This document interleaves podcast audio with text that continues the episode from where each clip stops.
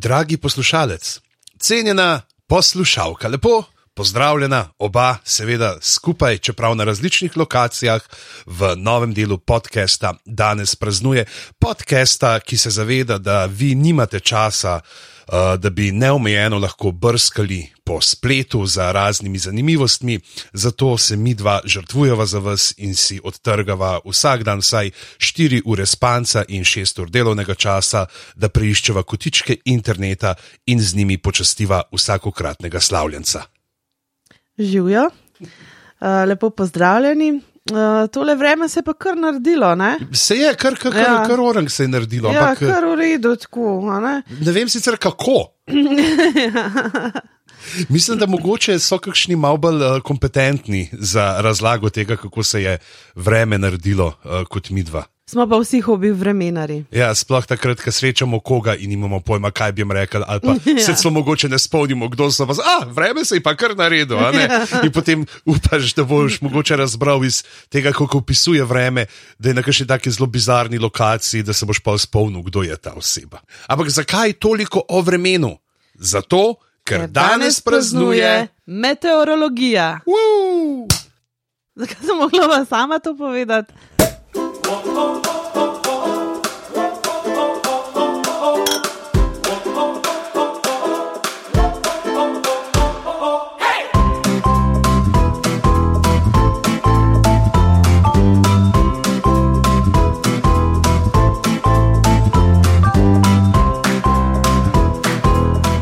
Danes je 23. marec, svetovni dan meteorologije.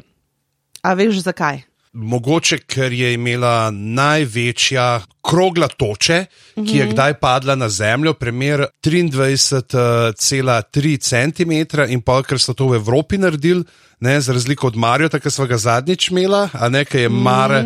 10 uh, je bil najprej dan, ne, in so rekli: O, 23,3, ta dan bi pa lahko praznovala meteorologija.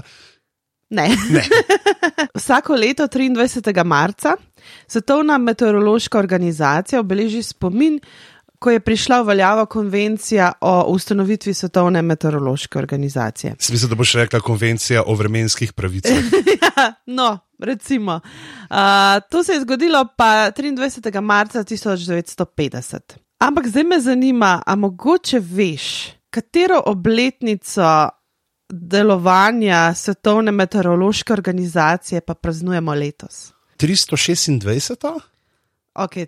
Tukaj malo pretiravaš, ampak 150 obletnica. Wow, prav ja. ja. lepo okrogla številka. ja, res. Se pravi, ustanovljena je bila leta 1873. A mogoče veš, kaj je bil povod za to, da so jo ustanovili? Zato, ker so imeli vrh glave ljudi, ki so okoli hodili, pa niso vedeli, o čem bi se pogovarjali. In so rekli, o, vreme se je pa kar naredil, ne? zato da jih je kdo znal pol zabiti. Rekel, ja, se je naredil, zato ker so se strato kumulusi spustili tam, da je bil en anticiklon nizkega zračnega pritiska in potem zaradi hladne fronte, ki je prišla na naše kraje, imamo zdaj sonce. Dej mi ti raj povej, odkje se poznava.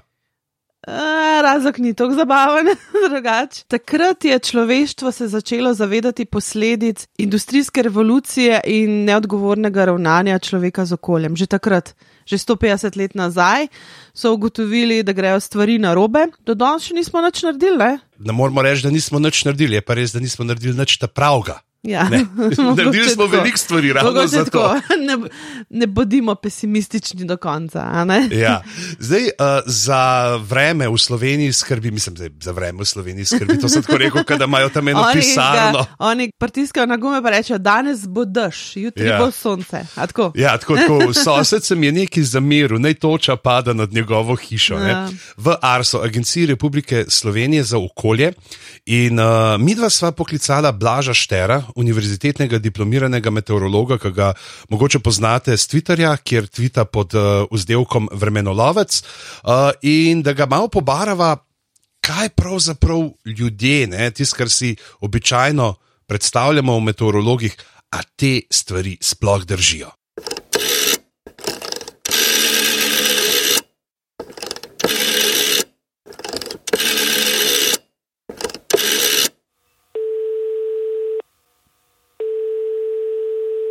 Ja, povedal bom nekaj napačnih predstav, ki jih imajo lajki o meteorologiji. V meteorološki prognozi ne tako redko dobimo vprašanje, kakšno bo vreme na našem dvorišču ob tej in tej uri za več dni vnaprej. Živimo v času aplikacij, ki nam po urah natančno napovejo, kako se bo vreme odvijalo za cel mesec vnaprej. Kljub temu, da se natančnost vremenskih napovedi nenehno izboljšuje, še lep čas ne bomo mogli do ure natančno napovedati, kakšno bo vreme. Vreme je kaotično, podobno kakor naše življenje. To pomeni, da majhne spremembe v začetnem stanju lahko na koncu privedejo do velikih razlik. Dan danes v meteorologiji se na veliko pomaga z vremenskimi modeli. Te sestavlja množica matematičnih in fizikalnih enačb, ki so le približek tega, kar se odvija v naravi. Naslednja zmotna trditev bi lahko bila: večina meteorologov in meteorologin dela na televiziji.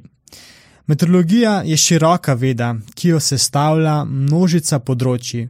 Moje delovno mesto je na Agenciji za okolje, kjer se ukvarjamo s klimatologijo, numeričnim modeliranjem ozračja, kontrolo podatkov, meritvami v ozračju, agrometeorologijo, napovedmi.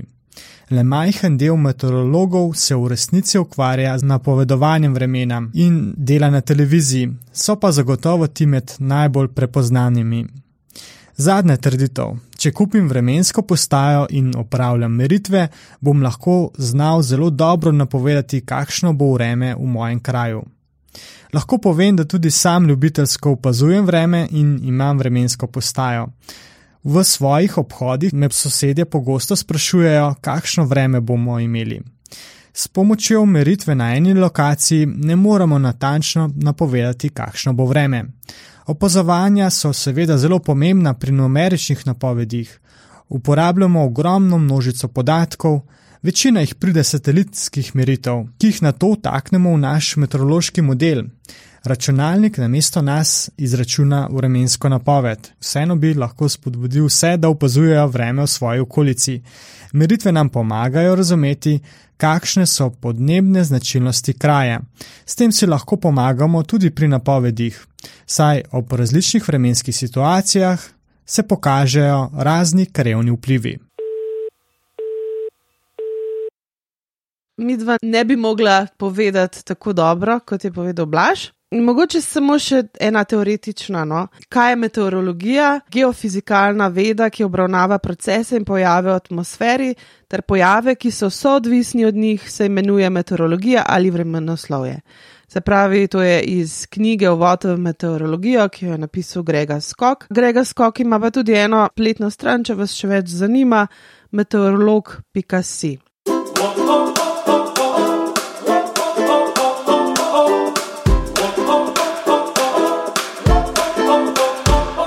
A ti veš, na katero fakulteto hodijo meteorologi pri nas? Meteorologija govori med drugim tudi o mešanju zračnih uh, gmot. Ja. Prav mešanje zraka, ali je filofaks ali pa FDV. Se mi zdi, da je ena taka zmota tudi, da vremenoslovci, da so nekako geografi, ker pač seveda se ukvarjajo z površino zemlje in tako naprej, ampak ne, um, njihova veda je veliko bolj analitična, bi rekla, ne? študirajo na fakulteti za matematiko in fiziko. A, FMF-jelci, ja, torej. Ja. Ampak zato, da oni zdaj lahko študirajo na fakulteti za matematiko in fiziko, je seveda moralo preteči veliko vode v vseh pojavnih oblikah. Prav voda je nekako botrovala temu, uh, da je meteorologija počasi začela živeti kot neka veda. Ne? Seveda, mm -hmm. najprej, uh, če gledamo zdaj, seveda, naš ta zahodnoevropski uh, krok v stari Grčiji. Mm -hmm. Tam je bil en možakar, ki mu je bilo ime Thales. Živel je tam ob 624 do 545 pred našim štetjem, bil je sodobnik od Pitagore, kar si verjetno vedela, ker sem povedal te letnice. Si rekla, oh ja, ja, ja. takrat je bil pa Pitagora. Ne? In uh, on je rekel, da je voda počelo, se pravi, ne ta arhe, arhe, kako so to stari Grki izgovorili, uh, vseh stvari. In Aristotel pravi, da je tale započel vsega zbral vodo, potem ko je videl, da so hrana in semena rastlin vlažni. Teza o vodi, iz katere naj bi vse nastalo, mora biti izvira iz Talesovega prepričanja, da zemlja lebdi oziroma plava na vodi, reke in morja pa so nekakšni prehodi iz te vode na kopno. Krožni tok vode pa je bil zanj gonilo vesolja in življenja.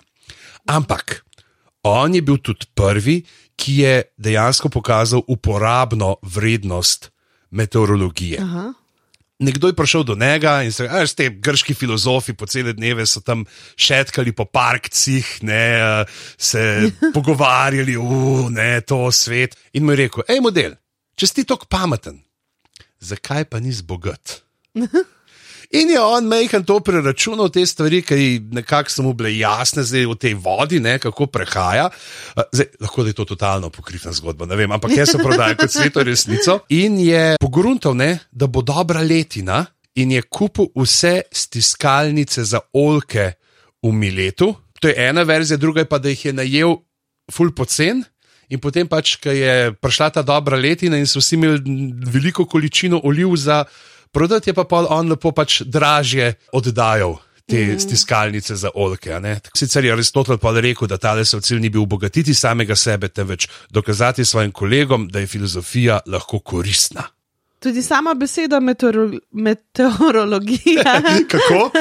meteorologija izhaja iz grških uh, besed meteoros in logija, uh, v bistvu pa pomeni uh, na nebu in študij, se pravi študij nečesa na nebu. Ne? In to ni astronomija.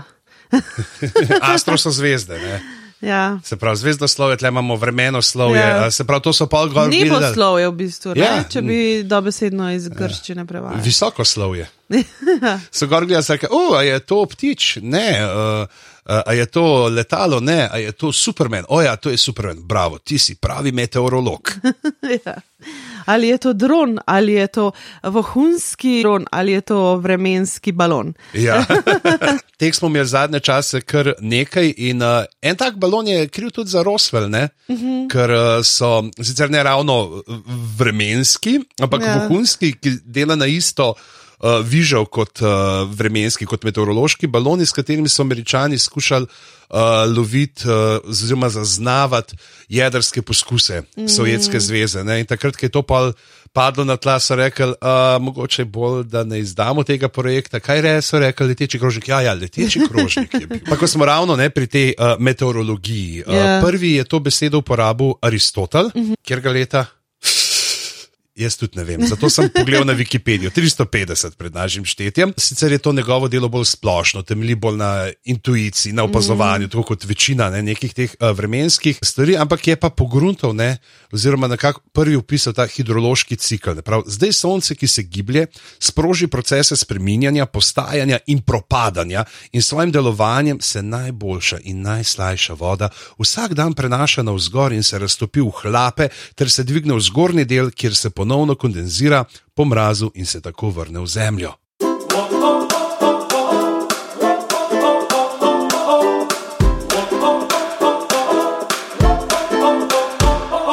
Pravzaprav vsa živa bitja na, na planetu dejansko nekako zaznavamo spremembe vremena. Ne? Nič ne navadnega, da so že v Grči pač uporabili svoje čute in povezali informacije, ki so jih iz tega dobili, zato da so ugotovili, kako nekako vreme in ta sistem deluje. Ne?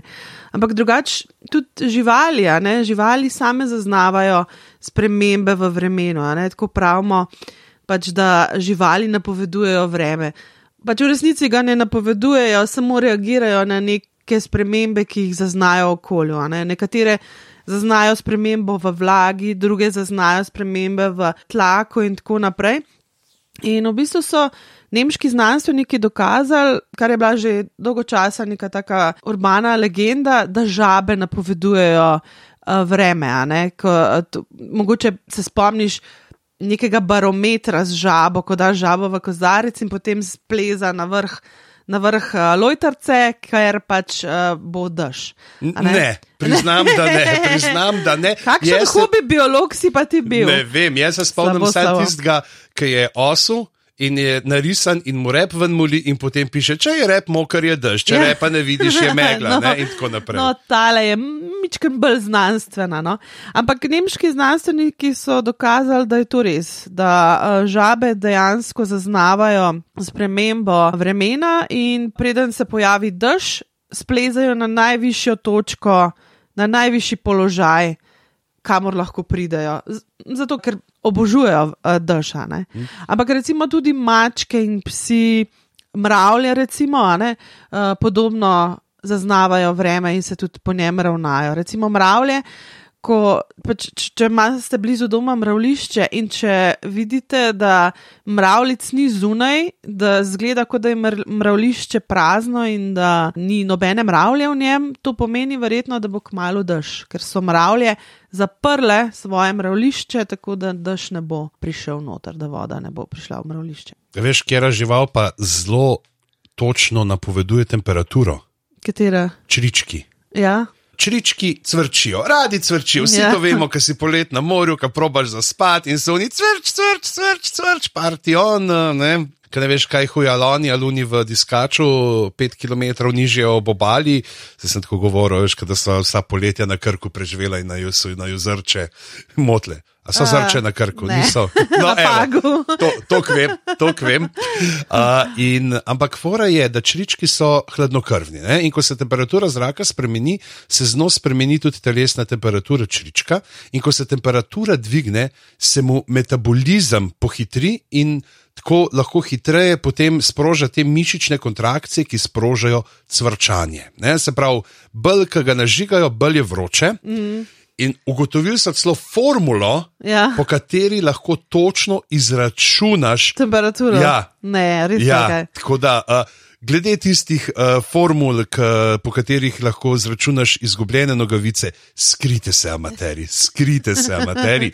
Če želite ugotoviti natančno temperaturo v stopinjah Fahrenheita, moraš prešteti število cvrčkov v 14 sekundah in Ja. prišteti 40. Okay. Če želiš dobiti temperaturo Celzija, zdaj pa pač tukaj. Celzij se vidi, pač uporabljamo v Evropi. Ljudje, ki smo, pa zdaj se upravičujem za te negativne stereotipe, ampak velja, da smo malce inteligentnejši od eh, narodov, ki uporabljajo Fahrenheit na drugi strani luže. In zato je tudi operacija temu primerno zahtevnejša. Prešteješ število cvrčkov v 25 sekundah, to deliš s 3 in prišteješ 4. Wow. Sam, uh, jaz imam zdaj eno vprašanje. C število cvrčkov. A je to število cvrčkov, ki jih slišiš od vseh čričkov, ali so to samo cvrčki od enega črička? od enega črička, ne? Aha, ampak zdaj okej. moraš pa. Je pa problem, ker jih pa več, ne? A vidiš, Ja, ne? to, ja, to, to je to. Kako zdaj enega, da ga vzameš, pa ga poslušaš, mu rečeš, da je tlele. Mogoče že posnameš, da lažje. Mislim, da bo treba tle uporabljati uh, čriček voice recognition system. Siri izloči črička iz drugih uh, naravnih zvokov, prosim.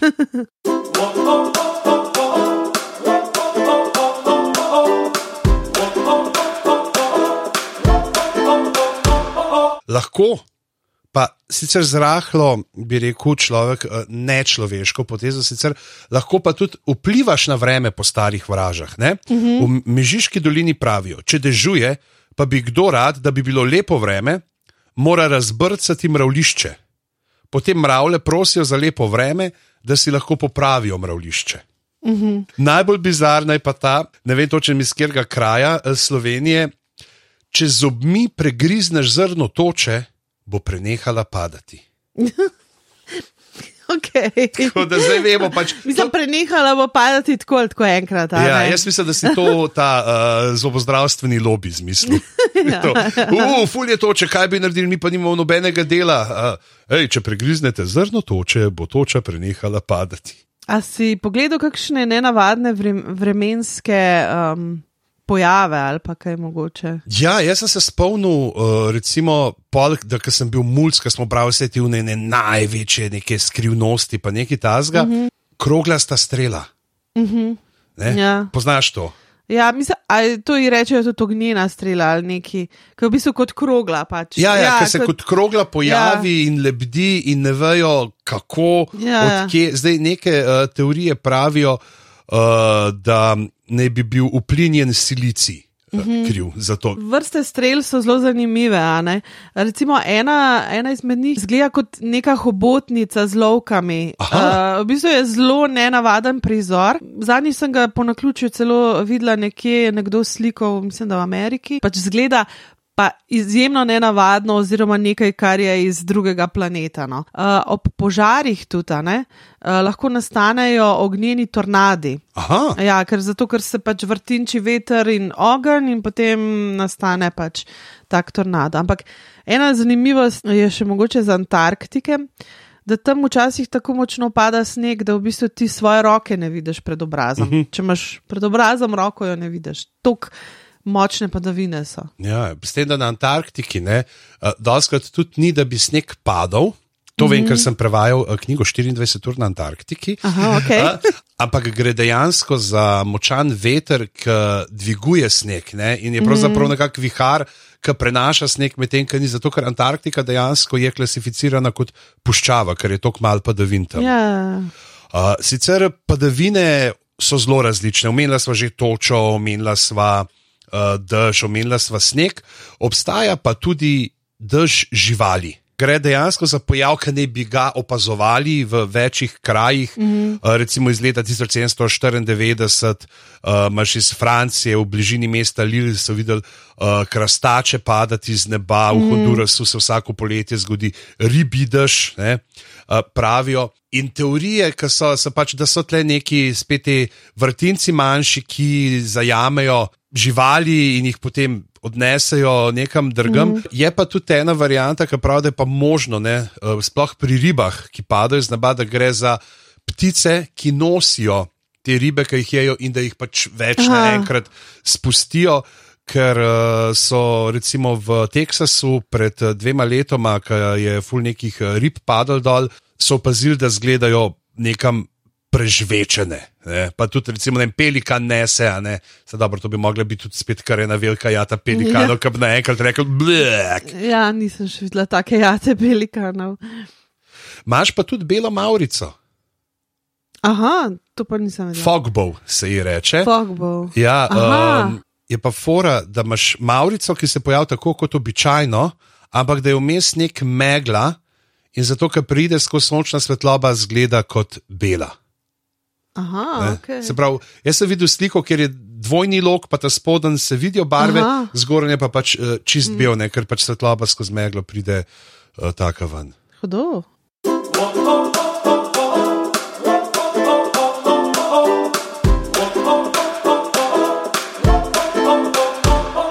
Pa ko smo omenjali, kako so nekoč napovedovali vreme, si slišala kdaj za Herschelov vremenski ključ?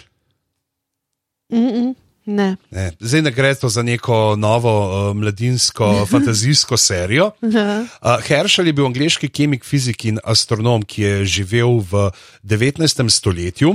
On je zelo opazoval Luno in je potem sklenil napovedovati vreme po luninih menah, uh mhm. -huh. ki sicer so ga ovrgli že neštetokrat, mm -hmm. ne? Mhm. ampak so ga dejansko uporabljali. Pa mislim, da jaz se spomnim, da še ko sem bil mulj, ko sem bral te razne pavlihove pratike, da je, bilo, da je to pa napoved po Heršlovem vremenskem ključu, ki so za celo leto Aha. naprej imeli, kakšno ne bi bilo vreme. Je pa vora, da gleda uh, v dvournih segmentih uro lunine spremembe. Se pravi, ali se luna zamenjajo ne, od polnoči do dveh, od dveh do štirih in tako naprej. In glede na to, ali je zima ali je poletje, in potem napovedali, recimo, če se šest, od šestih do desetih uh, zamenja luna, ne, je po zimi to pomeni dež ob severozahodniku, sneg ob vzhodniku, polet pomeni spremenljivo. To pa kar. Uh... Pogumno napovedovanje. Ja, zelo pogumno, zelo pogumno. Posplošimo kar vse. Vremenari na televiziji, radiju, uh, so dolga leta veljale kot za neke vedeževalce in napovedovalce vremena. Ljudje so se jezili na nje, če ni bilo vreme takšno, kot so ga napovedali, in tako naprej. Ali pa so bili preprosto samo influencerji za cvetličarne. Za cvetličarne. Ja, uh, Trontal, ne, znani Ja. vremenar, je vedno imel eno tako veliko uh, rožo v A, pa res, Gubnici. ja, pa res, ja, uf.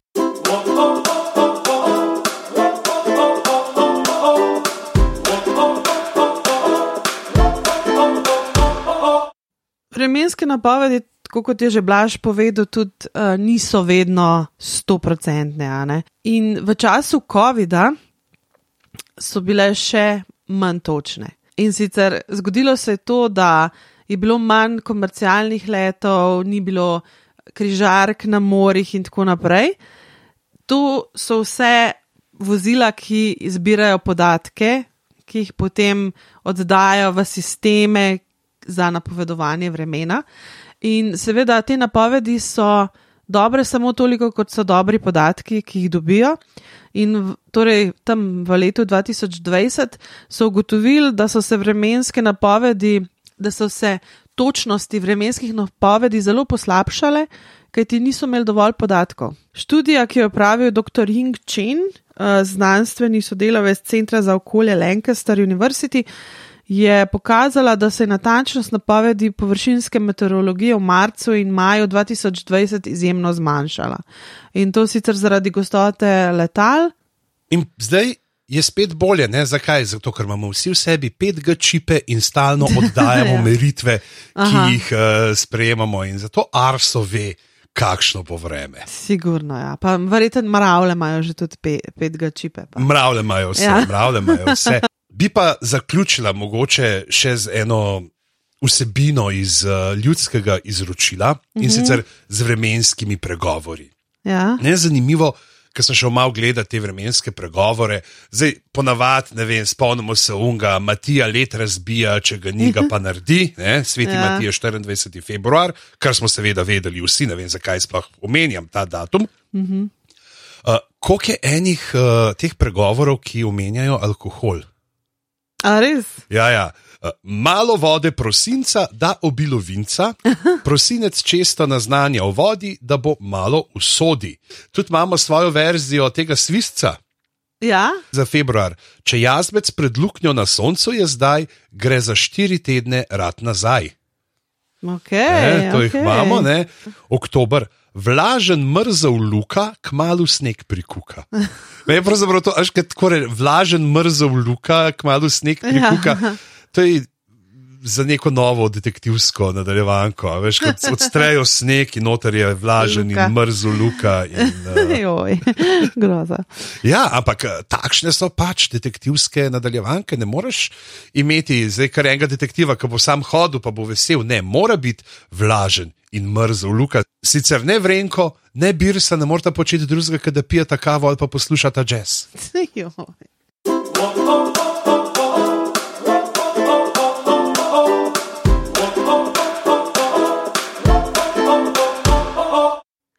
No, za zaključek pa še mogoče je kaj takega, kar si gledal, bral, poslušal, Ja, bi eh, priporočil. Bi priporočil nekaj, eno stvar, ki jo še nisem šel pogledat, ampak poznam človeka, uh, se poznamo iz davnih časov uh, reperskih. Mm. Namreč uh, Slavor Lunar Kosanovič, uh, en najbolj znanih hrvaških uh, grafiterjev, ki mm. riše zelo značilne mačke, uh, ima uh, razstavo v Mariboru. In sicer v umetnostni galeriji Maribor uh, ima razstavo Recycle or Try, kjer uh, razstavlja svoje uh, risbe, svoje grafite, ki jih dela na razno razne odpadke. Mm -hmm. Tako da, če so vam všeč mačke, če so vam všeč grafiti, če vam je všeč uh, okoljska ozaveščenost, ne, mm -hmm. uh, če ste en od tistih, ki je pred 150 leti podpisal ustanovno listino o Svetovni meteorološki zvezi, zato mm -hmm. da bi ohranili okolje, pejte na to razstavo, se splača. Cool. Uh, jaz bi pa priporočila dve stvari. Eno je stand-up večerji v cukrarni. Jaz sem bila po nekaj letih prvič na stand-up nastopu. Uh, in moram reči, da sem se prav fino zabavala. Ambient cukrarne je fulušten, verjetno poleti bo še boljš, ker bo verjetno lahko še kaj zunaj, ne vem, to sem si jaz zdaj izmislila. Um, in tako da vas vabim, da preverite datume za april. Jaz bom pa zdaj to izkoristil Ja. za brezsramno, pa rekel zdaj, če vam je pa Ljubljana predela, če ste raj v Domžalah, ali pa če se vam da prepeljati eh, do Domžal, eh, 5. aprila nastopam v Blue Note, jaz pa Matic Kokoš, revo, da malo, malo brezsramne promocije izkoristim. Druga stvar je pa serija na HBO, uh, The Last of Us. Sicer vem, pač to ni nekaj, kar ljudje ne poznajo, to je nekaj, kar vsi gledajo. Bi pa hkrati priporočila še podcast, uh, ki ga delajo ustvarjalci, zelo podoben format kot Černobil, uh, kjer smo imeli tudi zelo dober podcast za spremljavo. Poslušajte ga, zelo je dober, zelo natančno povejo, kaj, zakaj, kako so se za neke stvari odločili, povejo, zakaj so neke stvari enake kot v igri, zakaj so mogoče neke stvari malce drugačne kot v igri. Definitivno ni dolgočasno poslušanje in um, res toplo priporočam. Hvala, ker ste danes praznovali z nama, z vami sva bila Mojca Gorenc. In boštjan gorenc pižama. Za konec pa še, kamorkoli že greste, vzemite vreme vedno seboj.